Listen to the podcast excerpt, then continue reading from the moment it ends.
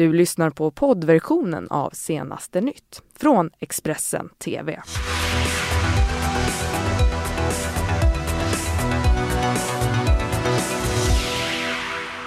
Välkomna till senaste nytt denna tisdag den 26 februari. Jag heter Jenny Pierrot.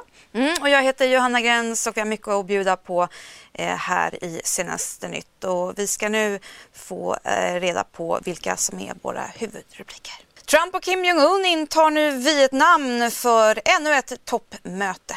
Och Bernie Sanders lovar att ställa sig bakom vem som än blir Demokraternas presidentkandidat. Och IS-svensken berättar om sin desperation inifrån fånglägret. Expressens Kasem Hamadeh är på plats i Syrien. Men vi ska ta och börja den här sändningen med att eh, veckans eh, stora toppmöte ju börjar närma sig, nämligen mellan Nordkoreas ledare Kim Jong-Un och USAs president Donald Trump som ju snart är på ingång. Mm, precis, och Eh, Eh, även USAs utrikesminister Mike Pompeo är också på plats och Trump själv han sitter just nu på flyget mot Vietnam. Vidare till att den demokratiska presidentkandidaten och Trumps stora motståndare Bernie Sanders är beredd att göra allt för att den sittande presidenten ska bytas ut till nästa val. Det sa han vid en utfrågning i CNN igår och menade att han är beredd att ställa sig bakom Demokraternas kandidat i valet 2020 oavsett vem det blir. Och vår USA-korrespondent Thomas Kvarnkullen rapporterar också på plats i Washington DC. En vecka efter att Bernie Sanders meddelat att han tänker göra ett nytt försök att nå Vita huset mötte han i natt väljare i en utfrågning i CNN. Han kallade då president Donald Trump för en lögnare och sa att han skulle ta med sig en lögndetektor om det blir han som får möta Trump i debatt inför presidentvalet. Bernie Sanders förklarade även att hans löften om fri sjukvård och högre utbildning skulle finansieras genom att kräva mer skatt av stora företag. Han menade att både hälso och sjukvård liksom utbildning är en rättighet som kommer att kosta pengar. Men även om eh, Sanders var kritisk mot Donald Trump berömde han även presidentens insatser kring Nordkorea. Han menade att om Trump lyckas få till en nedrustning i landet genom att möta Kim Jong-Un ansikte mot ansikte, ja då är det en bra sak, hävdade Sanders. Senatorn är ju en av de högst profilerade demokratiska kandidaterna så här långt och även den som har dragit in mest pengar. Sedan han meddelade sin kandidatur för en vecka sedan har kampanjen fått in omkring 10 miljoner dollar. Bara det första dygnet fick man in 5,9 miljoner dollar vilket var 20 gånger mer än Elizabeth Warren som är en av de andra högt profilerade kandidaterna. Mm, vi ska nu till Iran där landets utrikesminister Mohammed Javad Zarif och även huvudförhandlare i atomavtalet med västvärlden 2015 skriver nu på Instagram att han kommer att avgå.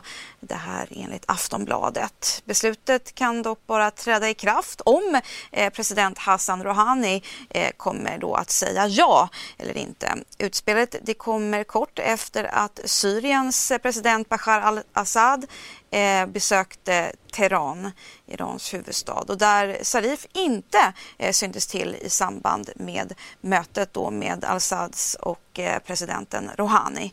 Eh, och det är oklart om de här händelserna har något samband eller inte. Den 35-årige gripne svensken som är misstänkt för att vara IS-terrorist säger att han ångrar att han haft med IS att göra.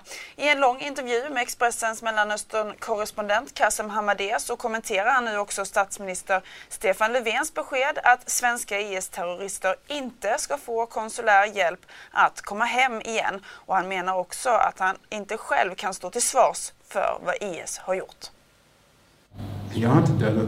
Jag, jag vet, jag pratar om den här lägenheten som jag... Nej, men organisationen? Men jag kan, jag kan inte säga till dig vad, organis, vad den här organisationen Jag kan inte veta vad varje, varje grej som de har gjort för... för ja, men du bodde ju hos dem, du såg på nyheterna. Men du begär från mig att säga att ja, de gjorde si, de gjorde så. Jag vet inte allting som de har gjort. Du vet inte vad de har gjort? Jag vet inte allting, allting. Men vet du att de har dödat folk?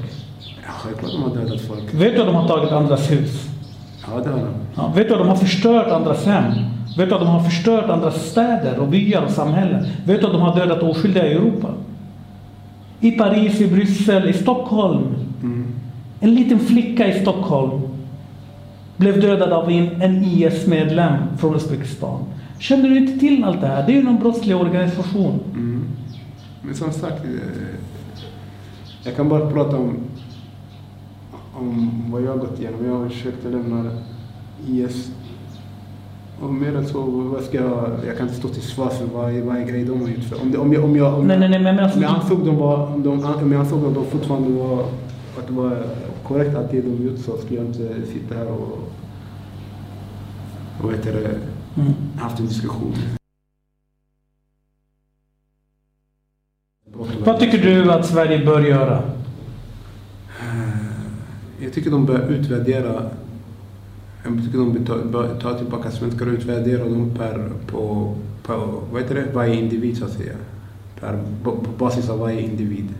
Att, du, att ni ska ska bli en rättsprocess menar du? Eller ska bli förhör? Ja, om de har, självklart om de har, om de har misstankar, misstankar så låt dem, vet det, låt dem göra sina förhör, låt dem göra en juridisk process och gå tillväga på det sättet. Självklart, de har ju ett rättssystem så att säga. Här i det här landet så finns det inget rättssystem. När det kommer till kvinnor och barn, varför ska du, varför ska du Sverige har inget problem med att ta hand om flyktingar familjer, flyktingfamiljer ta dem till Sverige och hjälpa dem och så vidare. Men sina egna svenska medborgare som är kvinnor och barn vägrar de att ta hand om. Det är kvinnor och barn. Det, det, det, det, de har inte... De, de är ingen säkerhetsrisk för Sverige. Vad, vad, vad, vad, vad, är, vad är de här barnens eh, synd? Vad är, det, vad är det som de har gjort fel?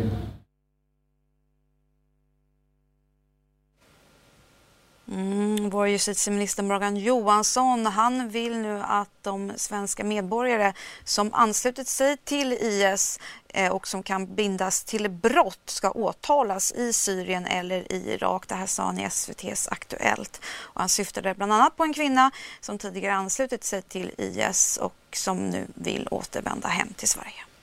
Här måste ju förstås vara ett internationellt eh, ansvarstagande självklart.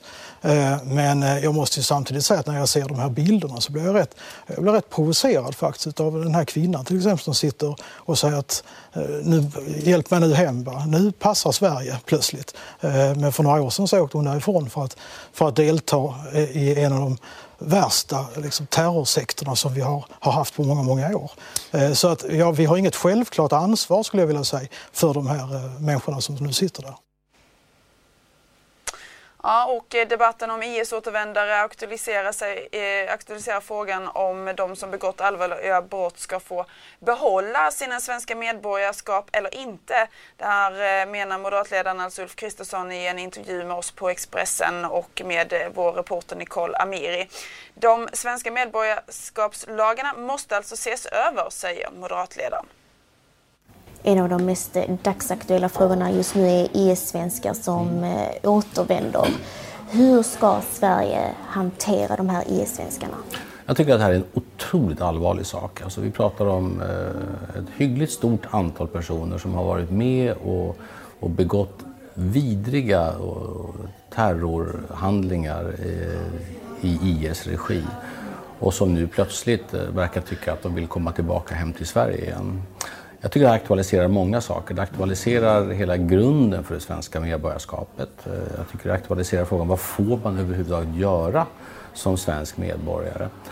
Det viktiga nu är att de här ställs till svars. Eh, och det tycker jag att, att det ska de göra. Men jag tycker också att det aktualiserar frågan om hur vi ska se på att behålla svenskt medborgarskap om man begår fundamentala brott Eh, mot det som måste anses vara den grundläggande lojaliteten mot Sverige. Det är andra länder som har sådana regler. Eh, Tyskland har det, eh, Danmark har det, Norge har det, Finland har det i lite olika format. Ska vi gå vidare i senaste nytt. Eh, skandalscener utspelade sig under gårdagens Göteborgs derby mellan IFK Göteborg och Gais.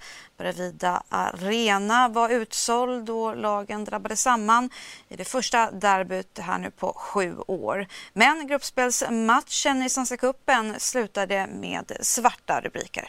Ja, 13 sekunder in på den andra halvleken så sköt nämligen Blåvitt-supportrar in mängder av raketer och knallskott på planen och efter en stunds möte mellan både domarna, representanter från klubbarna och polis så beslöt man alltså att eh, avbryta matchen då spelarnas säkerhet inte kunde garanteras. Reporter Marcus Vulkan var på plats och rapporterade igår. Många är förbannade och besvikna och uppgivna att detta ska hända ännu en gång i Göteborg. Det hände ju för några år sedan här när Blåvitt mötte Malmö att eh, matchen fick avbrytas och Malmös, Malmö tilldömdes eh, segern där. Men det är rätt så, ja det är allt annat än bra stämning här kan man säga. Folk är förbannade.